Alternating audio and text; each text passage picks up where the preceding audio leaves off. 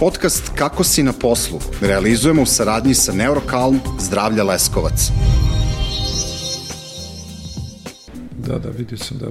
Bio sam kad sam bio jedan od kod selektora, sad trebam da, da vidim da li ću stići, idem nešto, oni imaju onaj memba program, Jest. pa sam predavač sad u martu, pa ću, prokušat ću da odem, to je da, uvijek je korisno, da. Ali dobro, vi nama došli ovde u studio, kako ste danas? Hvala, hvala na pozivu, drago mi je da sam ovdje, odlično. Evo prvo da vas predstavim, ali ću morati da čitam pošto imate dosta svojih, neću da kažem funkcija, više, više su to zanimanja, ali ovako da krenem iz početka, Rade Rakočević je u biznis krugovima poznat kao preduzetnik i berzanski stručnjak, vlasnik jedne velike franšize u Srbiji. Ono što njemu manje se zna jeste da je on pasioniran zaljubljenik u flag futbal, koji godinama inače i podržava i trenira i postiče njegov razvoj.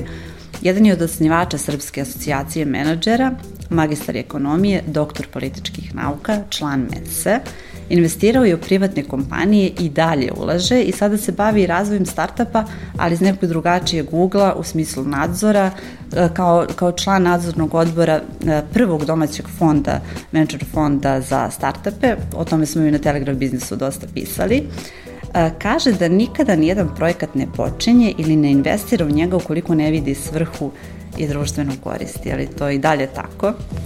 Trudim se da bude tako, ne mogu da kažem da je baš svaki bio, neki su bili da kažem i moje zadovoljstvo, ali sada definitivno u ovim godinama mi je to jedan od, od glavnih motiva. E sad, iz vašeg dugogodišnjeg iskustva i rada u različitim branšama, znam da dosta i predajete, ljudi stvarno vole da vas slušaju, kakav je danas radnik u Srbiji, a kakav poslodavac? Možemo li da damo, ne baš definiciju, ali kako se vama čini, kako izgleda, ko je prosečan poslodavac ili radnik u nas?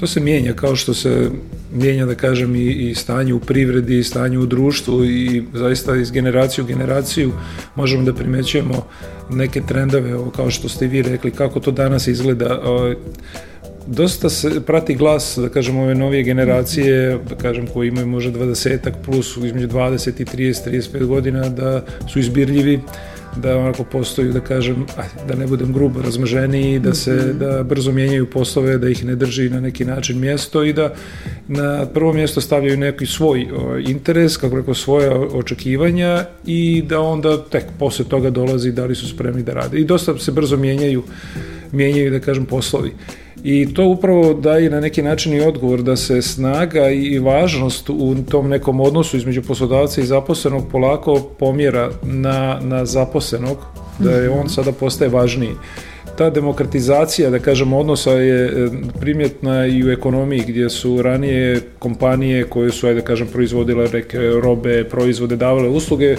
bile gospodari birali sami kako će da rade stvari. Bila je vrlo jednosmjerna, da kažem, komunikacija. Sada je komunikacija ne da je postala dosmjerna, nego se sve svodi da se osluškuje šta će reći e, potrošači, šta će napisati, kako će komentarisati. E, na, na neki način ta moć se polako prebacuje na pojedinca i ta, je, ta opet kažem, ta demokratizacija koja ide bukvalno do svakog pojedinca je prisutna u svim segmentima. Znate, imate od, od da, da. sporta, od biznisa, od, od ne znam, raznih oblasti obrazovanja. Tako da jeste, mijenja se, da kažem, odnos snaga. Kako se sad obrnula ta igrica? Eto, pričate i da, da se to dešava skoro u svim sektorima, ali da sada, pošto mi stvarno u podcastu dosta govorimo o tome da je važno i kako se osjećamo na poslu, ne samo kako radimo i obavljamo posao za svoje poslodavce, e, da sada radnici e, zapravo više ne gledaju samo da budu sigurni u smislu plate, pa i plaćenog staža, svedoci smo da ovde i dalje postoje takve vrste problema, da pojedini nesvezni poslodavci i ne, ne ispoštuju radnika u nekim osnovnim stvarima, tako da kažemo. Da li sada radnici zaista i kod nas stavljaju na prvo mesto neke drugačije benefite? Da li ste primetili to i kod svojih kolega i, i na tržištu? Kada bi sada pogledali to, trebalo bi jedna kao možda kvalitetnija analiza da se uradi, ali na neki način sigurnost kao ono što svako od nas želi da ostvari u nekom svom životu je uglavnom vezana za, ajde kažemo, krov nad glavom, da mhm. postoji ta stambena sigurnost, sjećate se svako ko je počinjao samo da imaš stan i, kažem, naši roditelji, to je ta, da kažem, eto, moje posteratna generacija koji su krenuli i, i imali mogućnost da dobiju neke kredite i sve to, svima njima je bio motiv da prvo, naravno, obezbijede za sebe, to je bilo relativno lako, ali onda uvijek bilo da obezbijedi i za svoju djecu. I sad opet, e, da kažem, mi, naša generacija koja ima djecu, oni isto to gledaju. I to je promet nekretnina od tog koncepta srpskog straha, od toga da nemaš krov nad glavom, je naravno najviše profitirao, ali e, vi već kada imate riješen takav jedan veliki problem, a ogroman broj ljudi sada ima te probleme, znate, kada dolaze e, ljudi u Beogradu, imaju stanove roditelja, ako govorimo o Beogradu kao da, ili da. nekim drugim centrima, roditelji se trude da obezbijede gdje oni studiraju, da imaju poseb, pa makar najmanji stančić. I već to daje jedan komfor i jedno, jedan, jedan osjećaj sigurnosti da onda može slobodnije da se radi i da se slobodnije ponaša prema poslu, da kažem, eto. I činjenica je da kažem da nove generacije mnogo više stavljaju taj akcenat na, na neki lični doživljaj, na neke emocije, na neke iskustva, nego na materijalne stvari. To je ranije baš bio veliki onako trend Sad sam čitao neko istraživanje da se te generacija Z koja su od 90. pa ta mhm. mlađi, da i oni počinju da investiraju u, u neke luxury proizvode i tako dalje. Znači malo se mijenja, ali, ali dalje je, je, da kažem, promijenjen je fokus. Definitivno. E, u tom smislu e, znamo i vi i ja da dosta kompanija sada i u regionu naročito ide u akvizicije zbog ljudi, kažu da im nedostaje ljudi, ne toliko na da profit koliko nemaju dovoljno radne snage, dovoljno kvalitetne radne snage. S tim u vezi e, zanima me šta je se desilo sa lojalnošću u kompanijama, odnosno šta znači danas biti lojalan radnik firmi ili možda da s druge strane, drugi ugao gledamo da li, na primjer, dužina staža u nekoj kompaniji garantuje da taj radnik zaista i zaslužuje da bude tu, da li on zaista ima prednost odnosno nekog novih radnika koji je sad potrebno uvesti u ceo sistem. Kako vam deluje? Sjajno pitanje, odlično pitanje. Baš, ovaj, mislim da je da je ovaj, koncept u kome je korona prije svega dovela do toga da je veliki broj poslova počeo da se obavlja od kuće, što rekli remote, vi ste dobili do situacije da su ljudi, pogotovo u IT-u, mogli da promijene posao, da ne ustanu sa stolice, znate, da, da on da. prihvati samo drugi da. posao za 100, 200, 300 i tu sam prvi put u tim IT kompanijama čuo upravo da kaže kako su se oni žalili prije već jedno 5-6 godina, da im ljudi odlaze za par stotina eura, ali kako bi rekao, zašto da ne? To je, to je prosto mm -hmm. tako. I, I ovo je dobro pitanje, drugo pitanje je odlično, znači, ta pitanje lojalnosti, ako je neko toliko dugo u nekoj firmi, da li je to znak da je on dovoljno kvalitetan da, kako bi pa nikoga nije ni tražio da, da promijeni posao ili je, ili je on baš toliko lojalan i to sve do, dobro pitanje. Ne, nemam da, odgovor, on, ali... Da, dešava, evo šta, šta rade male porodične firme u Nemačkoj, kod nas još to nije trend, oni svoje starije radnike postavljaju na takve pozicije da su oni postaju na neki način mentori. Uh, ali tu se zaista meri njihov, njihov rezultat. Ovde nekako stvarno mi deluje da smo dosta nekada ušuškani i da zapravo zašto me niko ne poziva, zašto ne menjam toliko dugo posao, pa, ili on, a ne odlaze iz firme. Ima mnogo onih koji se žale, ali ostaju u tim firmama. Dakle, nije uvek do poslodavaca to što kažemo da je možda greška, možda stvarno treba malo da i mi shvatimo da, da možemo da budemo konkurentni i da, i da ulažemo u sebe. Nekada ljudi ovde čini mi se da nisu spremni u dodatne edukacije da, da ulože. E, ono što sam htjela sledeće da pitam e, baš u, u tom smislu kada govorimo o tom mentorstvu. E, znam da ste vi dosta, i vi ste mentor, ali ste imali svoje mentore na početku karijere. je li ima danas mentora u Srbiji? Kakvi su oni? da li su spremni na to deljenje znanja. Našim kompanijama, generalno našem društvu se nekada zamera, znam kada odemo u inostranstvo na neke velike konferencije, kažu da nama malo nedostaje tog deljenja znanja, nesebično. Pa mi smo kao ekonomija zaista nerazvijena, moramo biti vrlo realni, to 30 godina, znači ako uzmemo da su to 90. te ali nisu ni 90. te znači 20 godina, pa to je, to je smiješno. Znate, i, i, i u tom periodu e, mi nismo uspeli da izgradimo ni jedno transparentno i kvalitetno tržište.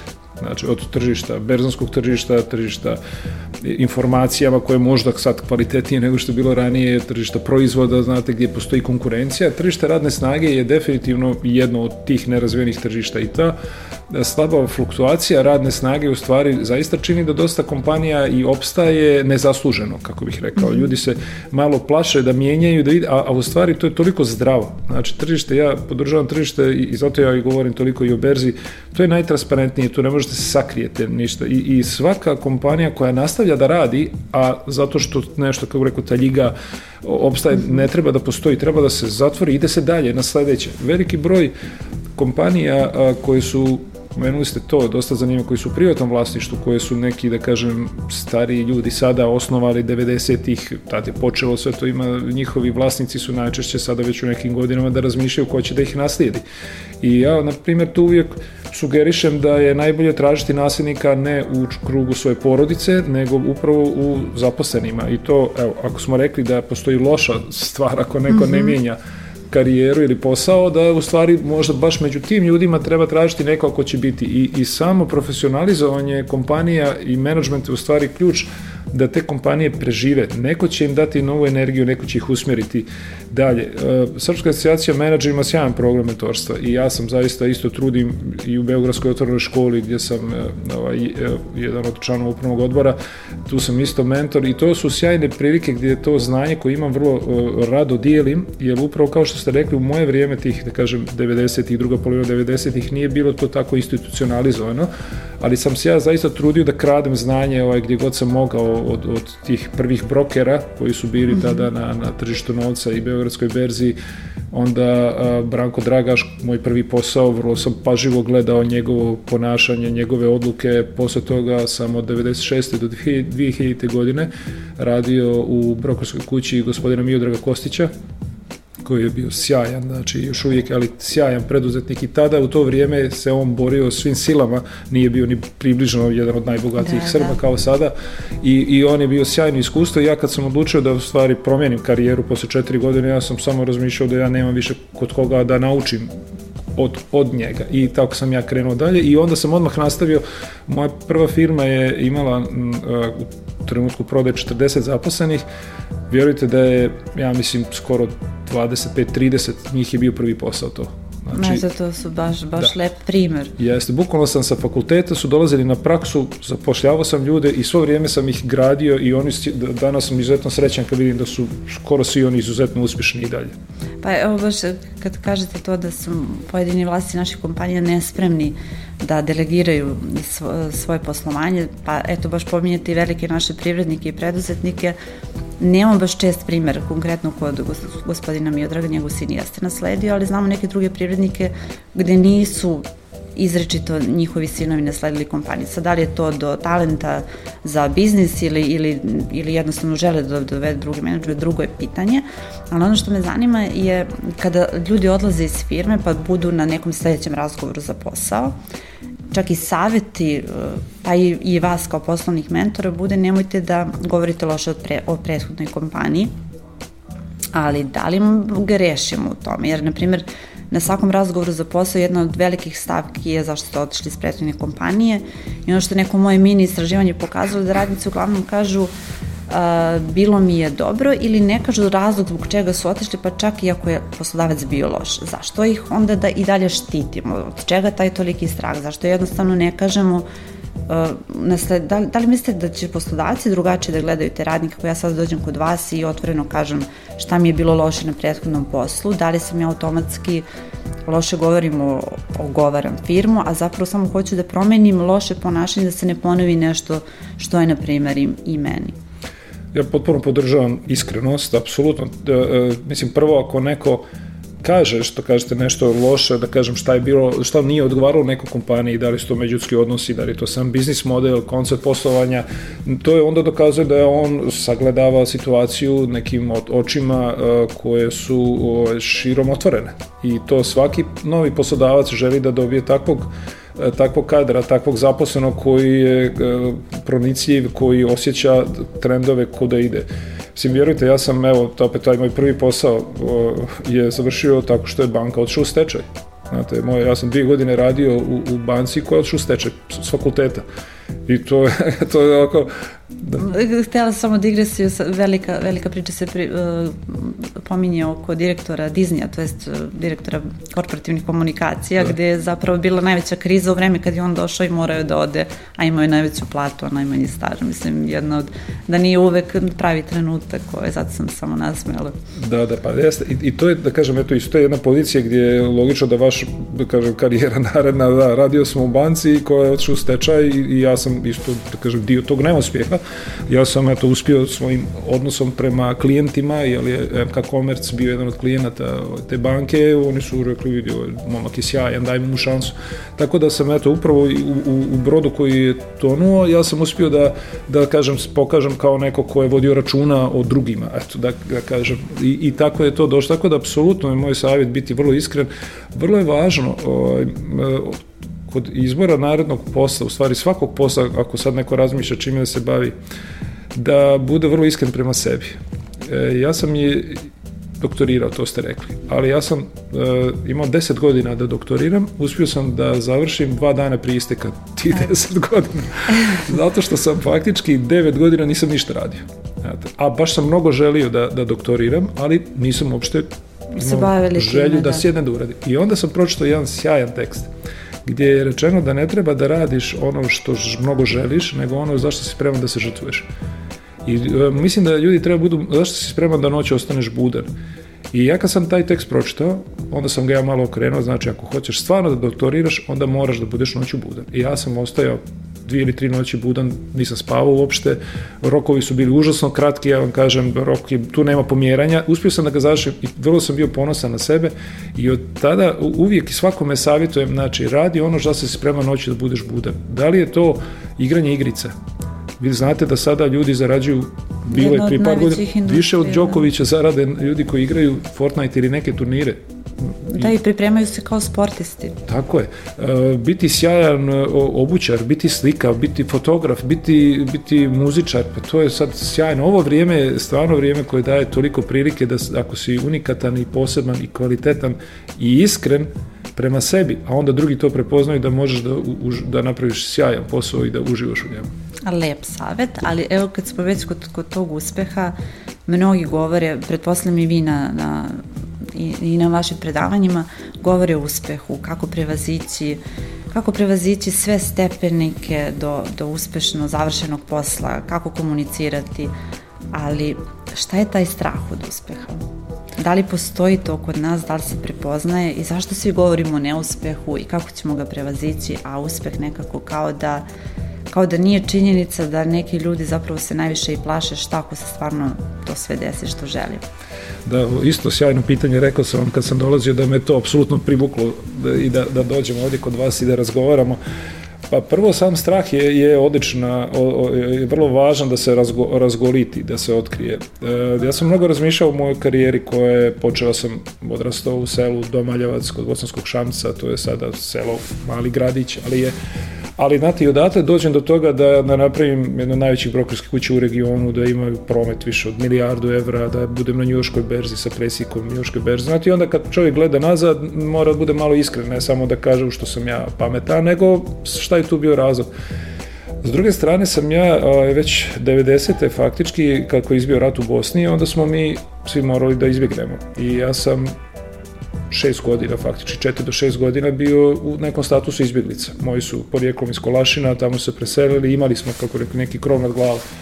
Ali onda nekako sam shvatio da u stvari čega čovjek da se plaši. Da, kada, kada eto, izgubili smo sve što smo imali, osim, eto, kažem, života, koji su u stvari naravno najvažniji. I onda e, nikad nisam osjećao strah. I, i, i e, ima veze i to što su moji roditelji prosjetni radnici, otac je bio i direktor škole u tom selu I na neki način sam ja to neko samopouzdanje dobio već od malih nogu drugačiji je to odnos u maloj sredini i vrlo su mu bili poštovani mm, i da. moj otac je bio vrlo i prijatan i sve je ta, to odrastanje je bilo sjajno, ljudi tamo su bili sjajni prema nama i onda sam ja samo prosto kad sam otišao u srednju školu i na fakultet sa, is, bile su svi razlozi argumenti da ja ne budem ovakav kakav sam, ali ja sam baš se ponašao potpuno suprotno. E, sjećam se scenu kad sam zvao satima sam okretao telefon eh, Sintelona da budu naši, da ih pitam da budu naši klijenti, da su me kolege onako ismijavale kao šta drži telefon, a nikomu se ne javlja kad sam ih konačno dobio, ja sam ugovorio posao da su oni zinuli kao šta si ti ugovorio sa 25 godina, na primjer. I to su, to su sve stvari da mene to apsolutno uh, nikad nisam osjećao uh, strah. Ni strah od neuspjeha nisam osjećao, a još manje strah od uspjeha. Ali postoji postoji i, i mislim da je strah od uspjeha, da u stvari strah od eh, od, od vjerovanja u svoje lične kvalitete, u svoje lične vrijednosti i da je to neka nesigurnost. I zato mnogo ljudi ostaju i bave se nekim poslovima koji im se ne sviđaju, odrađuju to, otaljavaju i onda dolaze kući možda rade nešto što vole, a nisu spremni da učine to. Mislim da je taj eh, to je u stvari glavna borba. Mora se boriti da se ljudi o, o, baš to izgube taj strah od uspjeha. Sjajna, sjajna tema. I da se malo pomeri iz svoje zone komfora i da su spremni na promjene i što vi kažete i da imaju više samopouzdanja, ali to se neguje i uči i naročito treba voditi računa tamo da prepoznamo kada neko i u možda kompaniji bojkotuje napredak i to se dešava. Da, da, da. I drago mi je što ste baš pomenuli taj primjer, vi ste sa 25 godina postigli E, veoma zapažene rezultate i zapravo ne samo za sebe nego i za svoj tim. Danas mladi ljudi do 25. godine redko ko je na, na, na vodećim pozicijama i sad postavlja se ono pitanje da li je čovjek s 25 godina zreo za, za vodeće pozicije, ali zapravo mislim da treba dati šansu i ako krenete od, od početka da radite na, na svim tim preduslovima, tako da kažemo, da, da jeste uspeh zagarantovan. A, mnogo govorite o berzi, a, iako znam da vas ljudi u preduzetničkim vodama a i šire znaju kao neko ko je stvarno zaslužan za neke naše proizvode, za neke hit proizvode i da ste vrlo učestvovali u tome, ali ono što posebno je vaša, vaša sfera interesovanja jeste berza, uh, E, zašto bi trebalo da bude verza stvar opšte kulture i zašto je kod nas toliko nema, e, šta bi trebalo da se promeni, da shvatimo da, da naš novac možemo drugačije da usmerimo, na, naročito onaj naš višak novca, kako da malo ljude motivišemo da postoji nešto drugo osim štednje u nekretninama. Ja se već 25 godina i više bavim Bersom, tako nekako ja, ja se šalim da je to neka i porodična tradicija ovaj, jer mi je otac ima neke veze sa Berzom, ali ne, naravno ozbiljno, ali jeste da sam među malom broju ljudi koji toliko dugo se bave time u Srbiji. U Americi 58% e, stanovništva trguje na Berzi više od 75% e, onih sa fakultetskom diplomom. Znači, I digresi, oni to rade bez posrednika, odnosno nemaju brokere kao kod nas, nego imaju i aplikacije koje, koje su im dostupnije u tom smislu. Jasno, da... tako je. Tako imaju, mislim, Amerika je naravno najrazvijenije, najrazvijenija ekonomija i znate kada onda se pravi paralela i kažem da su najveće berze i najrazvijene berze na svijetu je ovo što ste rekli tržište kapitala u Americi, a, a, ja onda kažem pa da nije možda Amerika zbog toga i najrazvijenija zemlja. I vi sada imate Beogradsku berzu, ovaj, ne mislim apsolutno ništa loše ni o menadžmentu berze, ni, nisu oni krivi. Beogradska berza postoji više od, od 100 godina, skoro 125 godina. Između dva svjetska rata je Beogradska berza imala na desetine, stotine akcija. Bile su kreditne zadruge, bile su banke, bile su akcije firmi na berzi, znate. Jedina star koja je sada 70 godina, 80 godina, znači više, lošija u Srbiji je stanje na tržištu kapitala znači zdravstvo, obrazovanje, infrastruktura, sve što pogledate i, i to nije samo posljedica tih 40 godina koliko je bio komunizam, socijalizam, nego prosto tome što se je berza u stvari sinonim za ovo što sam rekao, za tržište, za transparentnost, za e, javnost podataka, za ispravnost, odgovornost za ispravnost podataka. I u Americi se dešavaju skandali, ali berza nije propala zbog toga. 2000. godine kada je krenula berza, u Srbiji bilo je preko 3000 firmi na, na, na, na berzi. Zato što, I to je iskorišteno samo za koncentraciju kapitala. ja zaista smatram da je investiranje na berzi stvar opšte kulture i to je nešto što koristim. Neki to nalaze malo, što bih rekao vredljivo, ali e, mislim da svi argumenti govore u moju korist, Ja sam, se, ja sam potpuno drugačiji čovjek zato što sam na berzi toliko dugo. Ja kada sam prodavao svoju brokersku kuću 2007. ja sam je prodao po evaluacijama kakva niko nije uradio nikad u Srbiji. Zato što sam ja imao to iskustvo sa berze. I ja sam znao kako se pregovara, znao sam kako se vrednuju kompanije. I, I e, sada e, je broj ljudi, baš sam juče pričao sa, sa mojim bivšim zaposlenim koji je direktor jedne brokerske kuće, on misli da u Srbiji na berzi trguje svega 5-6 hiljada ljudi. Veliko neimanje, da. Da. Kriptovalutama trguje skoro 200.000. Je trgovalo, znači 200.000. I sad je to sjaje začin. Da, kad vidite da su spremni na rizik ove vrste, nisu spremni na rizik koji je da. Sjajno, isto, ali šta je to? Znači, naše ljude motiviše profit motiviše, velika zarada, zato svi kupuju bitcoine, eteriume, zato su gubili novce, zarađivali, rudarili, sve su mogli da urade. A sada kada kažete nekome da je uh, indeks američke berze, taj S&P, koji je presjek 500 najvećih kompanija u Americi, da je on rastao u zadnjih 30 godina 10% godišnje kad se oduzme inflacija, o čemu smo pričali, to je u prosjeku 7% godišnje. Znači da ste kupili indeks, da niste birali akcije, vi biste imali 7% čiste zarade iz godinu u godinu, iz godinu u godinu. I sada se ta svijest polako mijenja, ja stvarno držim i te edukacije i dosta pričam o tome da je, da je to bitno i, i vjerujte, najviše se radujem kada mi dođu ljudi koji su mlađi od 18 godina, koji još idu u srednju školu i oni Ima dođu slušaju. Da, ima ih, ne možda vjerujem. Ima i starijih, ima i ljudi koji su doktori, ljudi koji se bave drugim poslovima, koji žele da nauče tu stvar.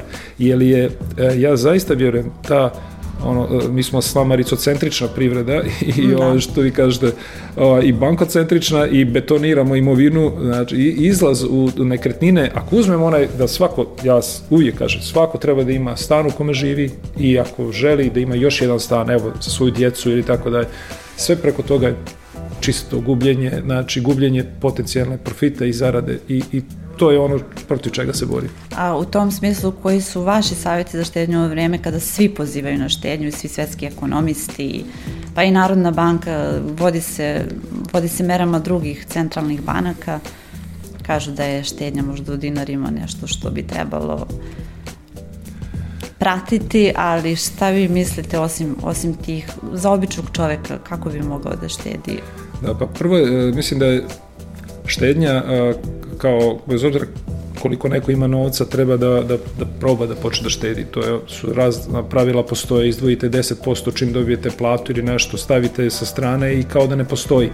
Uvijek treba imati neku gotovinu. Ja sugerišem, treba imati najmanje 6 meseci e, vaših mjesečnih troškova u gotovini sa strane. To može da bude oročeno u banci, da može odmah da se podigne, ali to je ključno. Znači, ako biste sad ostali bez posla, da imate da preživite 6 meseci. To je Drugo, vrlo je važno da se, e, ja sam, moja prva investicija je bila 2000 dolara. Ja sam toliko počeo da investiram. Percepcija ulaganja na berzi je kao da tu su to potrebni neki veliki novci. Ne, na berzi je vrlo važnije koliko dugo ćete investirati, važnije od toga koliko ćete novca investirati. Znači, ako je rođendan vašem djetetu, ako negdje ima nešto, verujte, bolje mu dajte pare da stavi na, na berzu. Pa i ne znam, ljudi ima velikih kompanija, mislim velikih kompanija, jedna je, ali 500 dinara koštaju njihove akcije, a tih 500 dinara se izgubi России. Tako je, tako je, pa eto i sve su te akcije i, i Microsoft košta 240 dolara, Apple je 120, sve su to vrijednosti, sad ima ta brokerska provizija, to što ste rekli u Americi je jednostavnije, kod nas je to malo skuplje, ali to ne treba da ljude opterećuje, to će se zaboraviti ako dugo držite taj novac. Tako da ja mislim da je investiranje e, jedan, e, da kažem, o, edukacija ljudi investiranju, povećavanje te finansijske pismenosti, nešto što je meni apsolutno prija i ovo kad ste rekli rekli da ja sad biram takve poslove koji imaju neku veću vrijednost daju, to, to meni odgovara. Ja stvarno želim da, da vidim to, jer mislim da će to promijeniti odnos ljude prema svim aspektima života. Od ekologije, od obrazovanja, od politike, od biznisa, kako vode svoje živote, kako vode svoje radno vrijeme. Mnogo je interesantno kad ste, ne znam, suvlasnik akcije, imate akcije Apple-a i sad hoćete kupite telefon pa onda vam je nekako... Normalno, bez, ja, to posjedu ovo, da, dru, drugačija je svest, naravno. Uh, jedna, jedna druga stvar o kojoj sam, nije baš druga, ali još jedna o kojoj sam s vama htjela da razgovaram je zapravo ta sfera sporta. Uh, šta je, možete li u kratkim crtama da nam kažete šta je vaša vizija flag futbola u Srbiji, e, kako može da se razvija, ali ono što me dodatno zanima je uh, Da li tu možemo da merimo uspeh u smislu šta biznis može da nauči od sporta i obrnuto?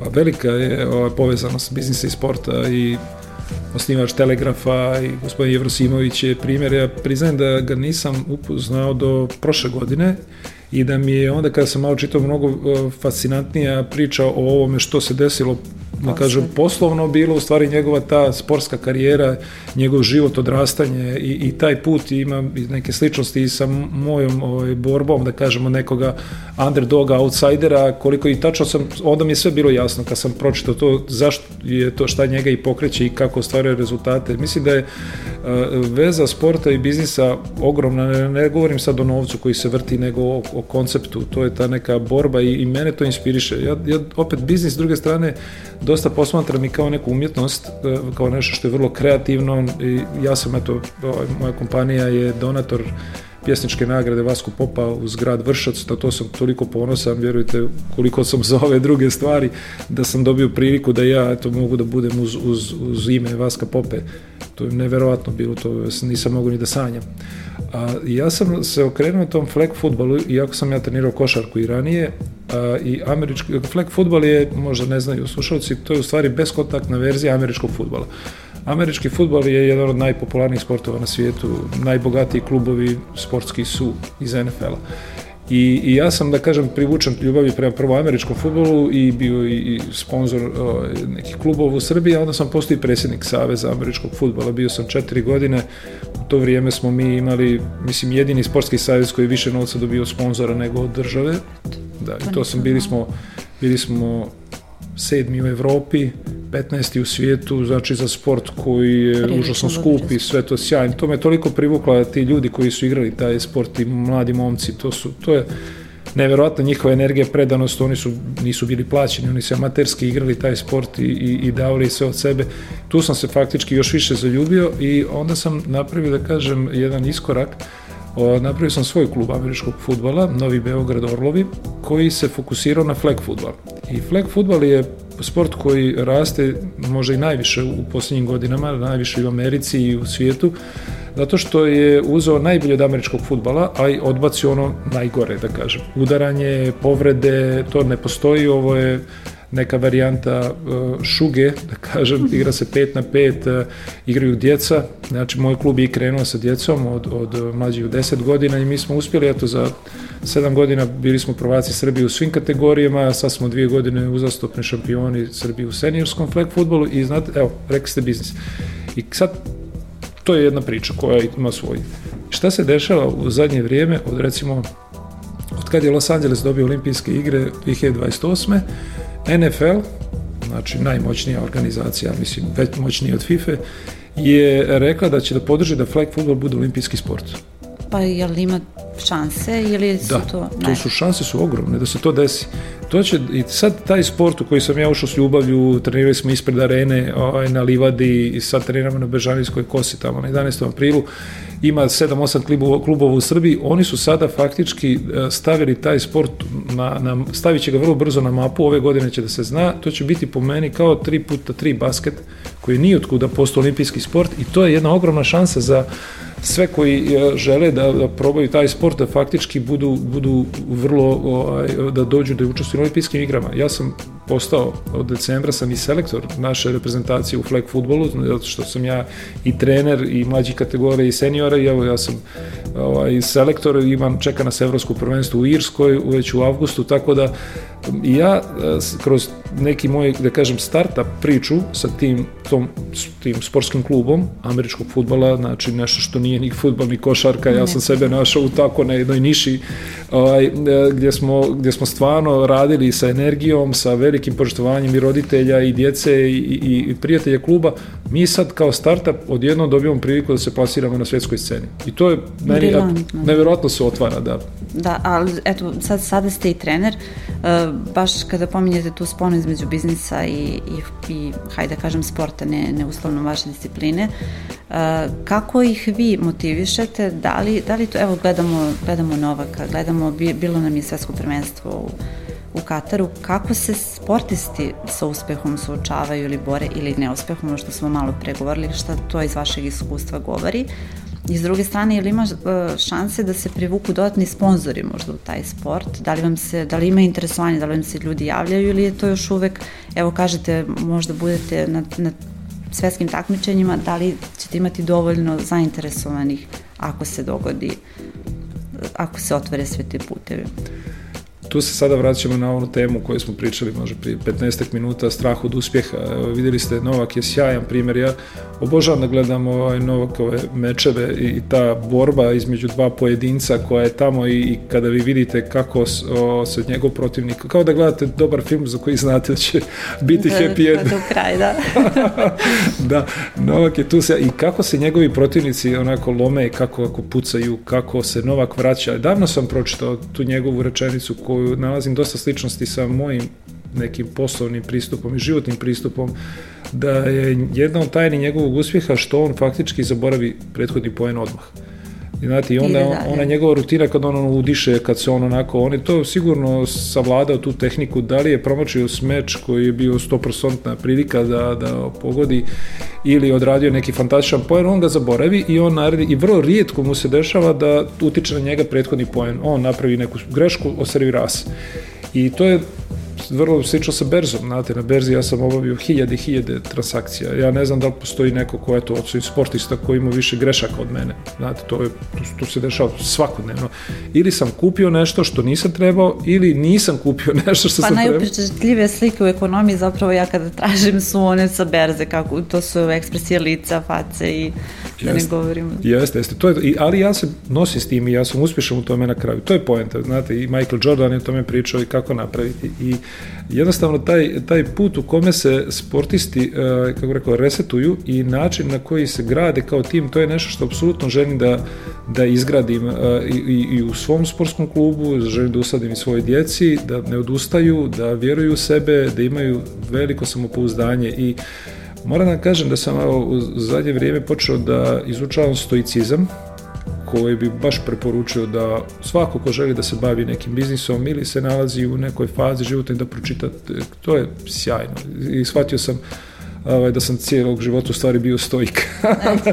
pa, ne znam da li ste imali priliku, to je... Ja, i, eto sad, razmi, kad razmišljam o tome, volela bih da, da više da, naučim. Da. Apsolutno da. preporuka, evo, zove se Mala knjiga stoicizma, kupio sam je, ovaj, mislim da je Vulkan izdavač, knjiga je sjajna. Bukvalno je jedna da. prijateljica otvorila i rekla, hoću ovu knjigu, znači sad ću da je kupim i da poklanjam svima, na primjer, koje, koje znam tu knjigu. Mislim da je taj pristup životu da svako ima neku u sebi božansku iskru, da treba da svako trudi da bude najbolja verzija sebe, to je ono što treba. I onda rekli ste, evo samo odgovor, kako doći sponzor? Mi faktički i, i ja mnogo ljudi poznajem iz svijeta biznisa i ja mogu da naravno i finansiram troškove sporta i tog kluba, ali meni je imperativ da ja probam nekoga da, da povjeruju u da. moju priču. Da, I, da, I desilo se zaista, evo, Mozart kladionica je, je sponsor bila prošle godine, znate, i mi smo bili na Ligi šampiona, i sad ćemo vidjeti i ove godine još već. Tako da to je kao, ponašam se baš kao startup, gradim nešto i uživam u tome i što kažete, svako u tom procesu, ako je iskren, stvari dođu kako treba uostalom ko će bolje da zna kako se razvija startup pod vas, zar ne? A da, da. i htjela sam da, da samo podsjetim, baš je Kirius, se, mislim, rekao sada kada je Novak uh, posljednji put pobedio, da kako sam ja pobedio ovog čoveka, dakle ne ni snaga, ni, da. nego više, više um je bio. Da, da, rekao je, ali samo izvijem se, rekao je, to je najbolje ja ću ga po tome pameti, rekao je zato što sam želeo. To, to da. on je prvi put bio iskren. Neki je, neko je napisao da je Novak se promijenio. Znači, on je prvi put nije bio korektan. Zamislite tu rečenicu. Da, da Zašto da. ste ga uništili? On kaže, što sam to želeo. To je sjajno. Da, da, da. To, da se... to treba da mu ono... Zašto je Novak Bjelavi? Zato što je to želeo. E, e, I hvala vam baš na, na savjetima koje ste, koje ste dali. Ali evo za kraj, e, da li možete da mi sumirate 3 do 5 saveta kako da budemo uspešni, kako da nađemo balans na poslu u smislu baš ovo što ste rekli, da gledamo i kada su loši dani i kada su dobri, da izvučemo iz njega najbolje. Pa, prvo bih rekao da je ovaj, najvažniji svo vrijeme ja pričam o investiranju. Znate, ja govorim o raznim vrstama investicije, postoji ih desetine, znači mogućnosti da ulažete kriptovalute, obveznice i tako dalje. Ali najvažnije je investirati u sebe, u svoje znanje. Verujte, što bi rekli, competence that bring confidence. Znači, pričali smo o samopouzdanju, znači, ako znaš nešto, možda budeš uspješan. I, I rekli ste, i meni je drago što ste to pomenuli, ja to nekad pominjem, nekad zaboravim da sam doktor nauka, vjerujte da sam doktorirao ranije, rekao sam da sam 10 godina to da. ovaj, razlačio, koliko sam ja tu stvari naučio, sramota me bilo, znači kako, ka, šta sam ja propustio time što nisam to čitao na vrijeme. I ja sada čitam stalno, čitam i izvještaje, berzanske izvještaje u kompanijama i razne vijesti koje možda ne, ne imam široku sferu interesovanja i svake nešto me dograđuje. Volim, evo, kažem, dodatak politike nedeljom koji je sjajan, kulturni dodatak, to kupujem. Stalno dobijem neke nove inspiracije. Znači, investiranje u znanje je apsolutno ključno. Ne, to nije bačen novac, to je najbolji investiran novac koji može se da. Drugo je da prepoznati ono, kao što sam rekao, zašto ste spremni da se žrtvujete. Znači, e, Novak je rekao, napravili smo sad igricu zato što sam želeo. Ali ja stvarno vjerujem, Novak je priča za sebe, ali ono zašto ste vi spremni da se žrtvujete, ne samo ono zašto želite. Jer možete da želite mnogo toga, a da niste spremni da se žrtvujete za to. Budite iskreni prema sebi, kažete zašto sam ja buda noću. Ako je to, kažem vam, čitanje, ako je to pisanje, ako je to trčanje, ako je to neverovatno, ovo vrijeme pruža takve prilike svakome ko je iskren i ko je autentičan da bude. Ovo je vrijeme, ja kažem, gdje mogu da se miješaju babi i žabe. I sad onaj ko je unikatan, napravit će, napravit će sjajnu karijeru. Znači, biti iskren prema sebi i kažem opet ta, ta stoitistička ovaj, rečenica da probaš da budeš najbolja verzija sebe, onako me malo me a, iznervirala, očekivao sam da će biti nešto lakše, a to je baš teško. To je onda nekad i najteže, kažete. Jeste, jeste, ali ja zato vjerujem da je ta iskrenost prema svojim potrebama, prema svojim željama, a, baš kao što ste vi rekli, prihvatati i dobre i loše dane kao da su nešto normalno, da oni ne mogu da promijene neki životni put, nešto, neku tu, kažem, to je nazvano eto kao božanska iskra, je to što se u stvari u čovjeku svakom ima i to mi se sviđa. I interesantno je, vjerujte, e, riječ demon, To znači. Eto. To sam pročito, sve to, demon je loš, onaj negativan preznak je dala hrišćanska religija naknadno, da. ali stari Grci su demon bilo to. I sad sve to otvara neke dalje teme, ali ako bih rekao, evo da kažem, par savjeta investiranju u znanje, apsolutno biti iskren prema sebi i, i, i, i onako voljeti sebe, to je sa svim, ne, neću reći manama, nego baš onako, eto, voljeti sebe. Mnogo vam hvala što ste bili naš gost. Hvala, stvarno, uživao sam. Takođe, a vi nas gledajte sledeće nedelje, čitajte na Telegraf Biznisu, gledajte na Spotify, Google, Apple i svim drugim platformama. Uh, htela sam za kraj da vas pitam koju vi inicijalno javnu ponudu očekujete? Jel očekujete i kada na našoj berzi? Će li je biti? Ja, ja mislim da je o, ovaj, neka od javnih kompanija bi morala da bude ono koliko sam nešto čuo, šuškalo se da... Telekom, ali teško. Pa ne, mislim da se šuškalo o skelištima Srbije. Oni bi trebali... Podcast Kako si na poslu realizujemo u saradnji sa Neurokalm Zdravlja Leskovac.